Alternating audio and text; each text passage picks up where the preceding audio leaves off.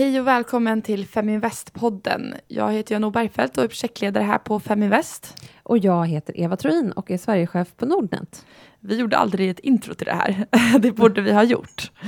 Um, välkommen tillbaka. Ja, tack. Ja, och för er som inte hängde med oss i förra avsnittet så uh, så sker det lite förändringar mm. just med Feminvest-podden kan man säga, inte så mycket med Feminvest. Nej, Feminvest ska fortsätta verka för eh, kvinnligt sparande och få fler kvinnliga investeringar. Så och vi också. Ja, vi kommer också fortsätta, men vi, vi, eller jag och Nordnet är ju fortfarande tillsammans med Feminvest och kommer göra massa saker tillsammans. Medan du går vidare, du kommer ju vara kvar som ambassadör, men du kommer gå vidare och jobba med lite andra saker. Precis, jag kommer gå vidare som eh, managementkonsult på ett bolag som heter Ascent Consulting. Eh, så jobbar med förändringsprojekt där. Mm. Så att, eh, det blir lite samma men ändå olika, lite olika branscher. Men ja, det har varit kul att vara med och drivit det här förändringsprojektet och faktiskt se skillnaden från när jag började på Feminvest till hur många kvinnor det är med på event idag och är med och investerar. Det känns så himla roligt. Ja, en fantastisk resa och den ska vi fortsätta med eh, i lite ny tappning. Ja, och nästa vecka höll jag på att säga, men det är om två veckor, men den 21 eh, februari så kommer ju Feminvest till Göteborg mm. och för er som är där så eh, passa på att gå på det här. Jättespännande. Mm. Vi har tre bolag där, Hybricon, Opus och Ripasso Energy, så det får ni inte missa. Och Nordnet även där presenterar. Precis, lite utbildning ska vi se till att eh, få till också, så att vi blir ännu bättre investerare. Ja, och eh, sen har vi Nordnet Live nästa vecka. Ja, nu är det mycket inför ja, Nordnet Live. Du är fullbokad kan ja, man säga. Ja, jag är liksom, jag har försökt att uh, ja, men kokona in mig lite grann och fokusera, därför att det är...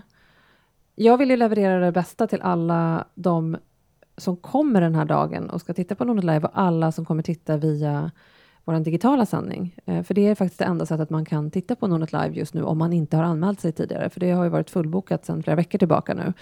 Det, det är ju så himla roligt att det blev det så ja, snabbt. Ja, det är fantastiskt roligt uh, och, uh, och det, jag tror att vi har ju en otrolig gästlista i år och eh, fått dit personer som normalt, ja, flera av dem har vi ju faktiskt inte fått lyssna på eh, på väldigt, väldigt länge. De har inte uttalat sig och eh, jag menar, vi har Björn Ulvaeus är en person som sällan uttalar sig i, i media. Eh, Ola Rolén har ju faktiskt inte pratat med någon sedan han blev åtalad. Eh, och ja, nej, men det finns eh, mycket spännande personer och eh, vi ska verkligen göra både eh, allt vi kan för att få en intressant och inspirerande kväll som förhoppningsvis ska kunna eh, hjälpa till eh, framåt också och få lite insikter kring både de här bolagen och lite vad som händer. Ja, och kom och kika i montran också. Där träffar ni oss på Feminvest. Mm. Jättemycket spännande bolag som är med utanför. Det händer, som sagt, det händer ju inte bara på stora scenen på Nordnet Live för alla som är på plats, utan det händer ju otroligt mycket runt omkring. Och där är Anno bland annat och Feminvest. Ja, så det får ni inte missa. Nej, det kommer bli jättekul. Men idag ska vi prata om eh, ett väldigt aktuellt ämne, men lite annorlunda ämne. Eh, det är just marknadspåverkan. Mm. Och eh, det här blir väl mer och mer tydligt i och med den digitala utvecklingen, där allt blir mer tillgängligt, kan man säga, information. Ja, och, det, och jag tycker att det är ett väldigt, väldigt intressant ämne och um, jag tror inte alla riktigt vet när det blir marknadspåverkan. Eh, därför att precis som du säger, vi går över från att kanske läsa eh, en tidning till att vara väldigt aktiva själv och, och kommentera och, och, i olika forum eh, digitalt. Och när går gränsen då till att man Ja, för man ska ja. verkligen vara medveten om att det här är ett ganska seriöst brott. Det mm. kan ge fängelse och eh, ja, det är bra att vara medveten om vad man skriver och, och hur man fått reda på den informationen, men också vara skeptisk och kritisk till information. För att det finns ju personer som faktiskt försöker påverka börsen, vilket är jättetråkigt. Mm. Men ska vi gå igenom, vi kan väl gå igenom de två olika. Ja. Eh, det finns två olika eh, brott då kan man väl säga och det är ju det som man brukar förkorta som OTM som är otillbörlig eh, marknadspåverkan. Eh, och sen har vi då insiderbrott, det vill säga handel med värdepapper eh, på en basis där man har någon form av insiderinformation som inte är då Skillnaden med att det är insider är att det är några få som vet det, till skillnad från marknadsinformation, då alla vet det. Det är därför man går ut med viss information i pressmeddelanden, för då anses det att det har kommit marknaden till känna och då får man agera på den. Precis, och vi kan ju säga, vi har pratat om det här lite tidigare, snuddat på det, men du har ju sagt att din man inte får köpa Nordnet och ja. Jag har ju sagt att jag köper inte Skanska-aktier. Han får köpa Nordnet ja. under vissa omständigheter. Så det är också så att det är inte så att bara för att jag jobbar på Nordnet så får han inte köpa Nordnet, men för mig får han inte köpa Nordnet, för Precis. det är väldigt, väldigt komplext och det är stor risk att man gör fel. Och gör man fel så får man rejäla böter eller kan faktiskt få fängelse också. Så det är därför han inte får. Men, men generellt sett så är det ju, jag lyder ju också under insiderreglerna eh, såklart. Eh, så att dels har vi ju regler då vi absolut inte får handla i anslutning till rapportsläpp. Eh, men sen har vi ju också generellt sett att om vi handlar i Nordnet-aktien så ska det rapporteras på ett särskilt sätt. Eh, oavsett, för det är klart att vi får handla i aktien, men, men det är väldigt strikta regler kring det, just för att jag som jobbar här och sitter i koncernledningen har ju naturligtvis eh, möjlighet att ha annan information än vad en vanlig investerare har och det får inte jag nyttja till min fördel. Nej, och jag är likadan. Min kille är ju insider på Skanska så att jag köper ju inga Skanska-aktier eh, alls. Även om han aldrig berättar någonting för mig så eh, väljer Nej. jag bara att inte göra det för det är så onödigt. Mm.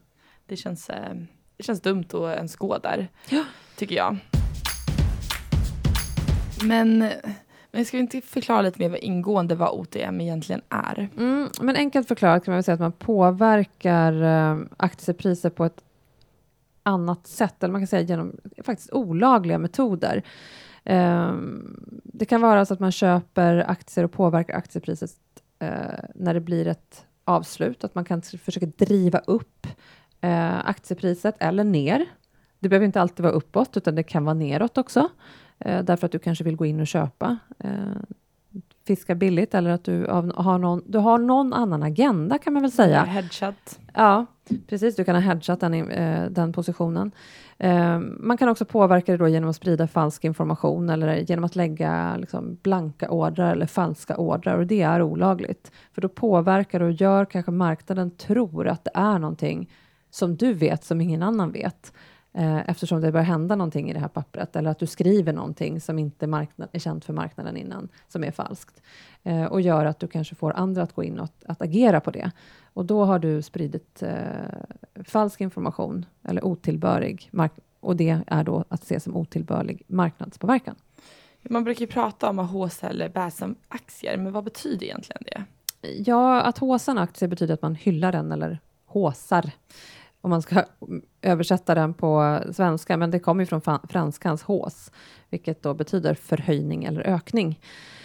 Eh, bass är också ett franskt uttryck och det betyder typ sänkning, att man sänker den. Så att håsa betyder att man höjer upp, man hyllar och eh, bäsar betyder att man sänker den eller liksom säger eh, inte så positiva saker.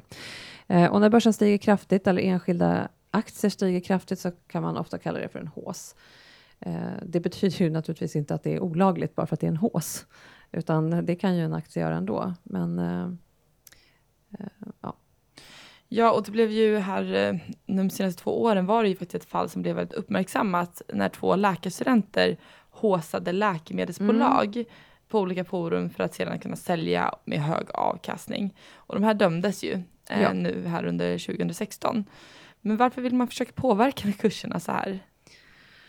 Ja, i det här fallet, eh, så, ja, enligt åklagaren, då, så var ju ambitionen att faktiskt tjäna pengar genom att få andra att köpa eh, och då i sin tur kunna sälja, att de här personerna kunde sälja de här högre.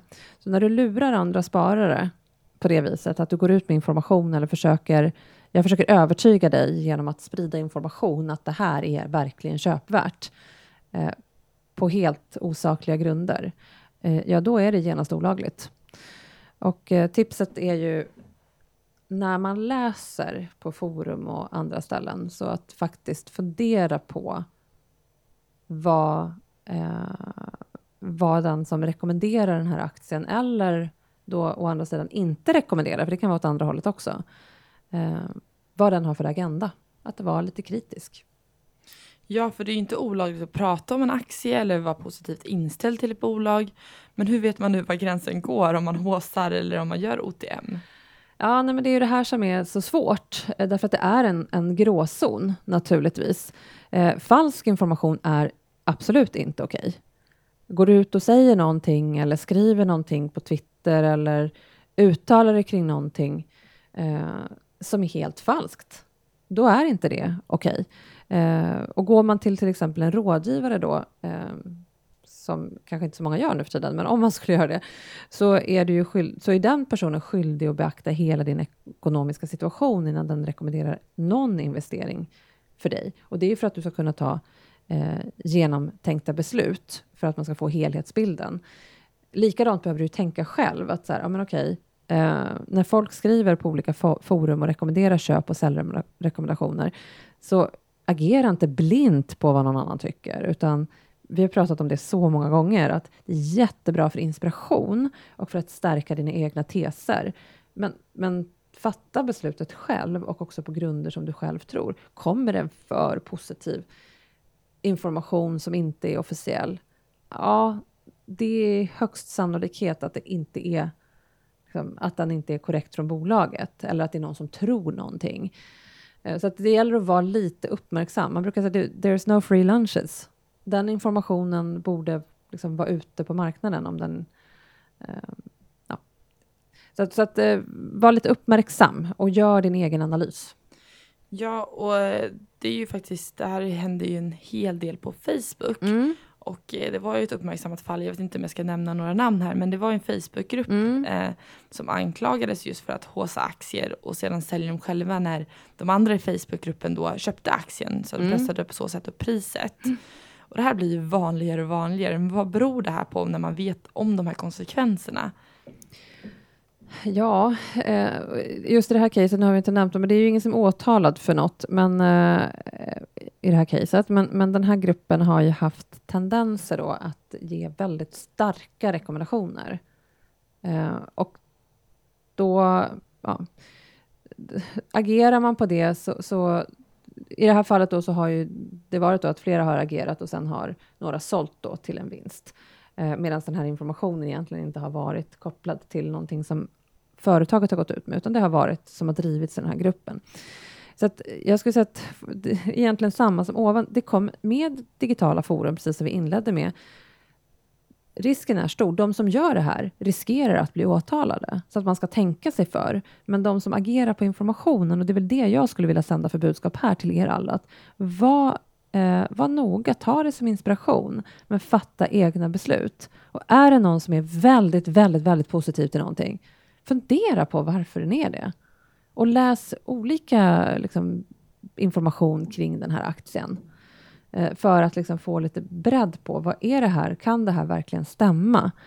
Um, jag tänkte precis fråga dig här vad privata investerare faktiskt ska tänka på när det kommer till just information i aktier i forum som blir allt vanligare och vanligare. Mm. Men det är väl just att vara källkritisk? Ja, alltså det, var, var källkritisk och, och köp inte allting som sägs. Eh, därför att Eh, ja, det kan jag ju tycka är en liksom, liten fördel med, med Shareville, även om det är precis där som på alla andra ställen att man ska vara källkritisk. Men där ser du om personen i fråga har agerat också. Och inte bara pratar. Nej, och det är ju fördelen för det är lätt att säga. Det, jag tycker det ofta man hör så här, ja men jag tjänade det här på den här aktien ja. och så här. Men det är så himla lätt att säga. Jag kan ju också säga att jag har tjänat mm. jättemycket pengar på en aktie, men det är ingen som vet om det är sant. Nej. Om jag inte kan bevisa det på till exempel Sharewill. Um, och där ska man ju nog vara lite skeptisk till att vissa personer gillar ju att prata. Ja, och de kanske har som sagt en dold agenda som ja. inte du känner till. Eh, så av den anledningen så är det viktigt att vara källkritisk och sen så som sagt, jag kan ju då tycka att du ska också vara källkritisk på Shareville, men, men där kan du också se att den här personen då som håsar den här aktien, om vi nu ska säga att det är caset, har personen varit inne och köpt den här aktien parallellt också? Eller är det bara så att den pratar att den kanske har innehav i aktien och vill få upp värdet på den? Eh, det är inte tillåtet, det är olagligt. Och, men var lite vaksam på vad, vad, vad folk, hur folk kommenterar och uttrycker sig i olika forum. Ja, och det finns ju en hel del faktorer som faktiskt påverkar börsen. Ehm, men vad, vad driver egentligen aktiekurserna utöver bolagens prestationer och förväntningarna på dessa? Ja, men en stor del på börsen idag är ju spekulation. Och det är både på enskilda innehav men också på utvecklingen på börsen.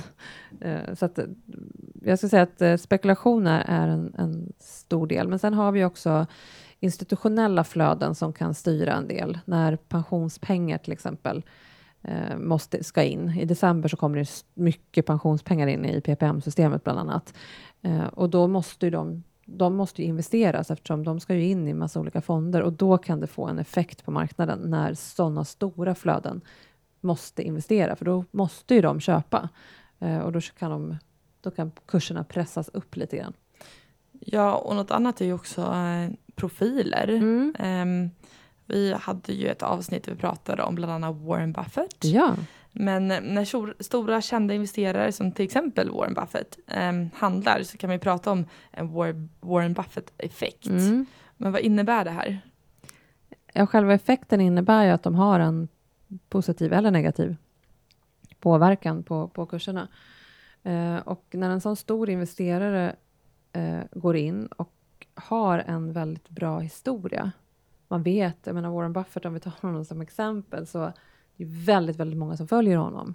Eh, så att när han gör någonting så vill ju många gå in och följa efter, för man vet att han historiskt har gjort bra investeringar. Eh, och då lockar ju det till att fler köper. Och samma gäller ju för faktiskt för svenska investeringsbolag och, eller investmentbolag och riskkapitalbolag. Att vet man att en känd, eh, ett känt bolag, ett, en duktig förvaltare går in, då kanske man vill följa den.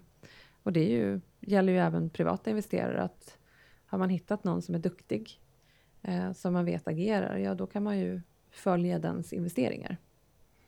Ja, och kända Twitterprofiler också. Vi kommer ja. ha en känd Twitterprofil till gäst idag. Arne Talving, också känd som Kavastu. Ja. Eh, så att, eh, nu säger jag absolut inte att han gör det, men det finns ju mycket Twitterprofiler också som, eh, som hypar olika aktier. Ja, och jag skulle säga att Kavastu med flera, de är ju, liksom, de är väldigt medvetna om det här. Eh, och eh, jag tycker de liksom hanterar det väldigt väl.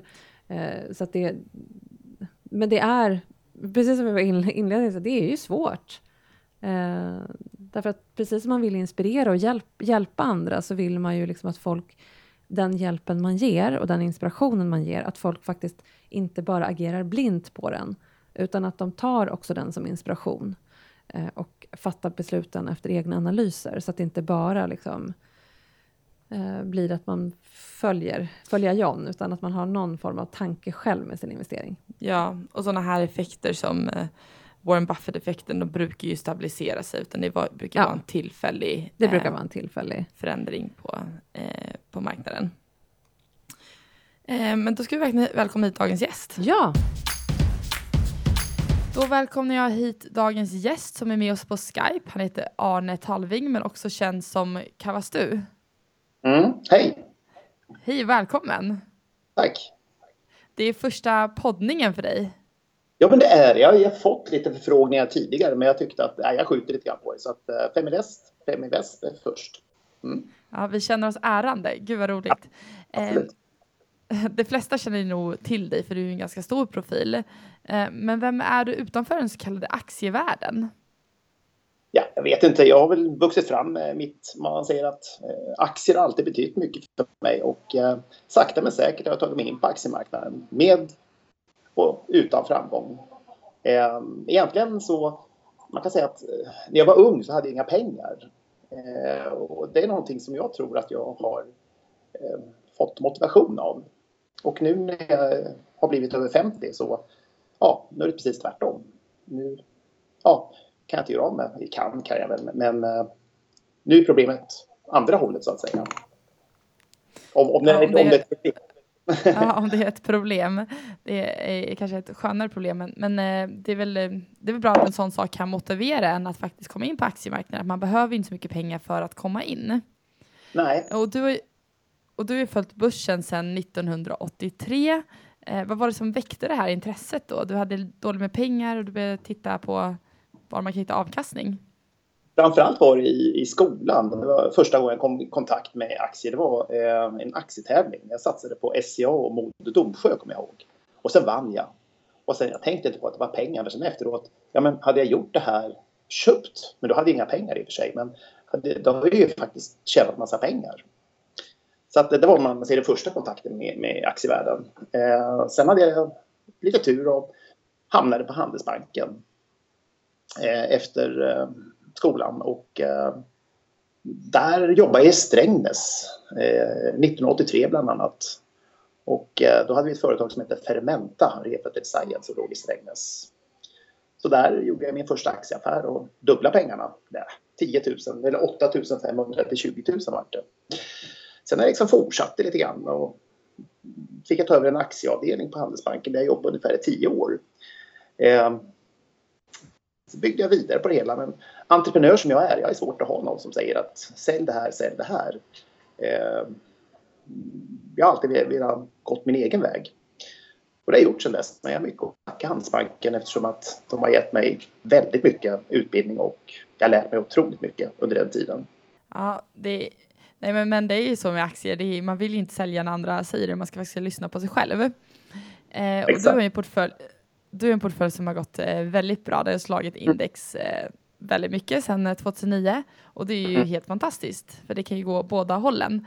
Mm. Eh, men vilken strategi ligger bakom din framgång på börsen? Ja, det är framförallt att eh, inte lyssna på andra, att göra egna analyser och gå sin egna väg. Jag var ju en riktig medelmåtta kan man säga som har gått på alla missar som alla andra eh, ofta gör. Eh, sysslar mycket med teknisk analys på 80-talet. Sen fortsatte jag med fundamental analys. Eh, märkte att det är svårt att slå index. Men sen var det faktiskt eh, vändningen kom egentligen 2004 när jag eh, städade min lägenhet kan man säga. Jag skulle åka till Thailand även då. Eh, var där en månad, åka dit ensam. Jag fyllde min resväska då med alla möjliga gamla tidningar som jag hittade i den här eh, storstädningen som jag gjorde. Det var närmare bestämt 18 kilo visade det sig.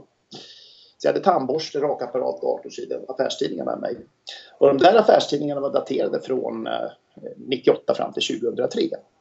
Så jag låg där på stranden och läste ett halvt kilo om dagen och tappade totalt förtroendet för det som skrivs. Däremot så kan man läsa mellan raderna eh, väldigt mycket intressant. Men just de här slutsatserna som drogs eh, i tidningarna, de stämde ju inte alls. Jag hade ju facit från 98 till 2003. År 2004 satt ju där och stod att det här stämde ju inte alls. Så då gjorde jag, funderade lite grann, ska jag sätta in mina pengar på en indexfond eller vad ska jag göra? Då gjorde jag istället en enorm research. Jag gick tillbaka och tittade vad jag gjort rätt, vad jag gjort fel. Så började jag titta verkligen på hur marknaden, hur trenderna sett ut på marknaden. Och eh, skapa ett system och sjösatte det då ganska bra tajmat 2009 i januari. Och det är 26,4 % över OMXPE-index sedan 2009. Och det är ju inte med utdelningar inräknat så att säga. Så man skulle kanske räkna det som 22 eller någonting sånt. Då. Men eh, det tickar på hela tiden.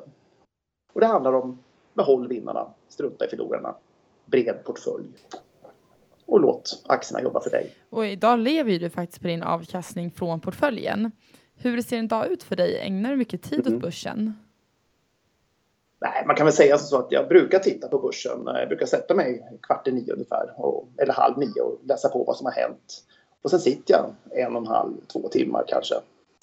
Sen gör jag en massa annat. Eh, tittar till börsen någon gång ibland och eh, sen så eh, tittar jag till lite grann. Då kommer siffror 14.30 från USA.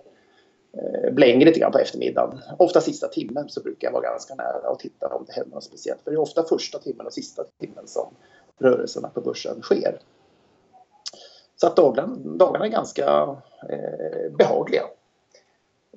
Jag tittar för skojs skull, jag räknar ut nu eh, det här med, just det här med att man ska bygga upp en portfölj och kunna leva med en portfölj. Mycket bygger på att man eh, måste spara. Har man inte fått något arv eller någonting sånt eh, man måste spara sig in i, i en man ska säga, livsstil som ger en bra avkastning i framtiden.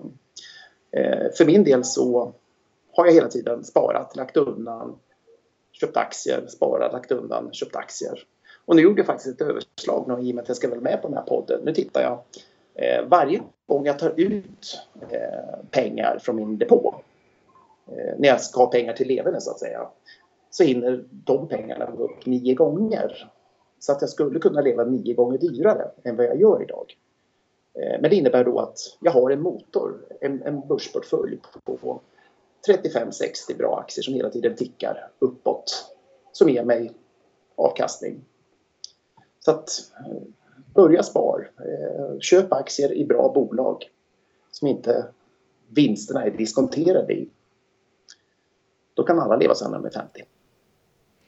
Ja, nu tror jag att du, det är många här som vill haka på det här direkt. Man blir väldigt inspirerad.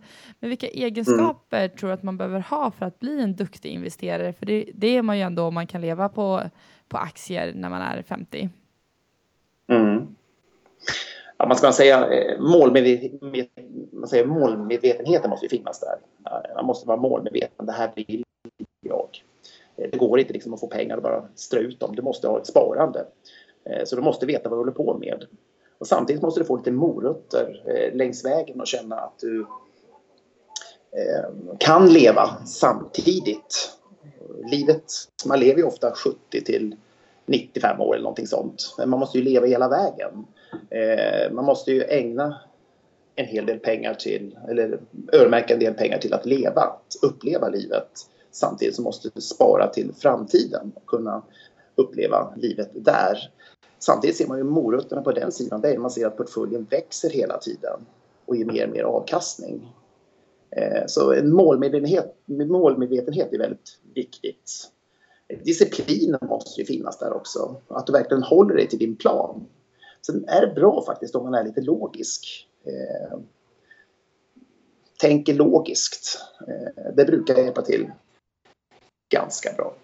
Så småningom får man en bra självkänsla också för det man gör. Man ser att portföljen växer. Eh, man mår bra av det och man börjar liksom kunna se att eh, det här rullar på bra. Sen kommer det dippar ibland när marknaden går ner 30-40 procent. Ja, men då fortsätter du spara, sätter in ännu mer pengar. Så håller det på sådär. Ett intresse är också viktigt att ha. Det går inte kanske att leva det här livet vid 50 om man inte har det här intresset att sätta sig in i aktier och hur aktier fungerar. Kan man säga. Men samtidigt tänker jag också att man får lite intresset eftersom också när man börjar komma igång så blir det ju ett intresse. Ja, Nej, men precis som du säger, man växer in i det hela och man får mer självförtroende eh, vartefter. Eh, det som är väldigt bra idag det är just den här kunskapsinhämtningen. Det finns ju hur mycket som helst serverat gratis idag. Eh, lyssna på dem som kan ha lyckats ta efter eh, vissa delar från alla så, så kan man inte misslyckas. Men återigen, det viktiga det är ju sparandet. Att man inte förbrukar pengarna. Ta ett paket cigaretter för en 20-åring till exempel. Strunta i det paketet cigaretter. 24 år senare en hel limpa om du, om du eh, limpa cigaretter har 10 eh, paket. Om du eh, gör 10% om året. 5% utdelning, 5 värdestegring. Eh, man behöver inte köpa allting. Eh, köp lite aktier. Ha bara en del saker som jag inte behöver.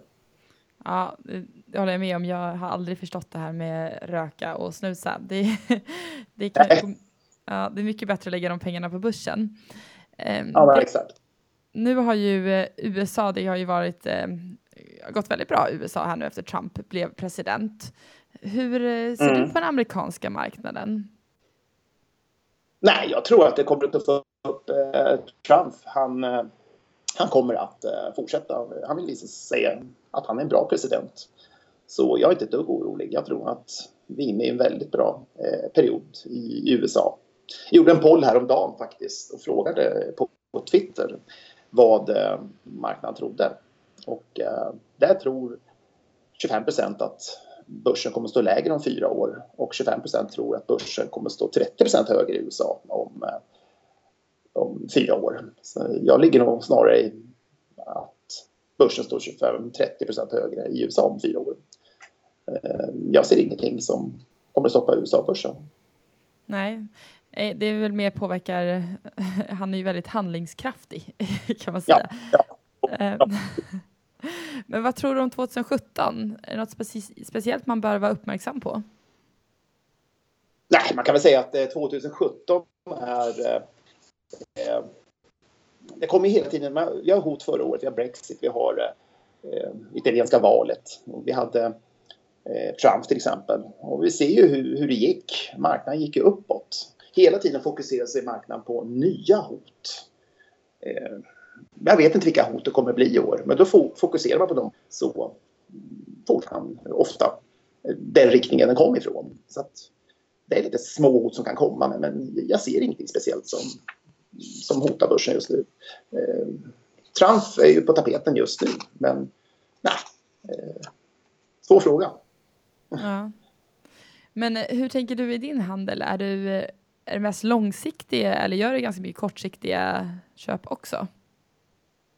jag försöker och försöker eh, få mina aktier att eh, ligga i aktier som, eh, där man inte har diskonterat vinsterna än. Som ligger i stigande trend.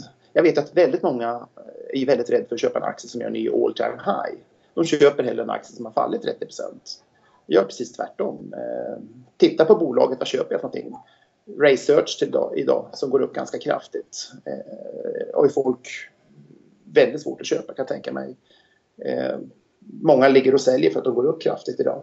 Men vinnare blir ofta vinnare. Eh, så jag skulle vilja säga släng förlorarna, behåll vinnarna. Eh, det är ett bra råd. En annan sak som är ganska intressant. Jag, jag sysslar väldigt mycket med psykologin bakom, bakom börsen och eh, man kan se att väldigt många tittar bara på priset på en aktie. För två år sedan gjorde jag en undersökning då och tittade vad som fanns hos nätmäklarna. Och eh, det var tre gånger vanligare att man hittade en aktie på large cap som kostade under 50 kronor än att man hittade en aktie som kostade över 500 kronor. Eh, hur tänkte man där? Eh, titta inte på priset på aktierna, titta vad du får för pengarna istället. Det är kanske är bättre att ha 30 gånger mindre antal aktier men ha en bra aktie. Vi kan se att eh, large cap till exempel, då har vi 85% av bolagen som gör vinst. I First North, längre ner på listorna, där har vi bara 20% av företagen som gör vinst. Och kikar man för skojs skull på First North så är det nästan 85% av alla aktierna som kostar under 50 kronor. Och det finns ju en anledning. Det är mycket lättare för folk att köpa aktier som är billiga i kronor. Men de tittar inte vad de får. Så granska, vad får ni för pengarna? Det tycker jag är väldigt viktigt att titta.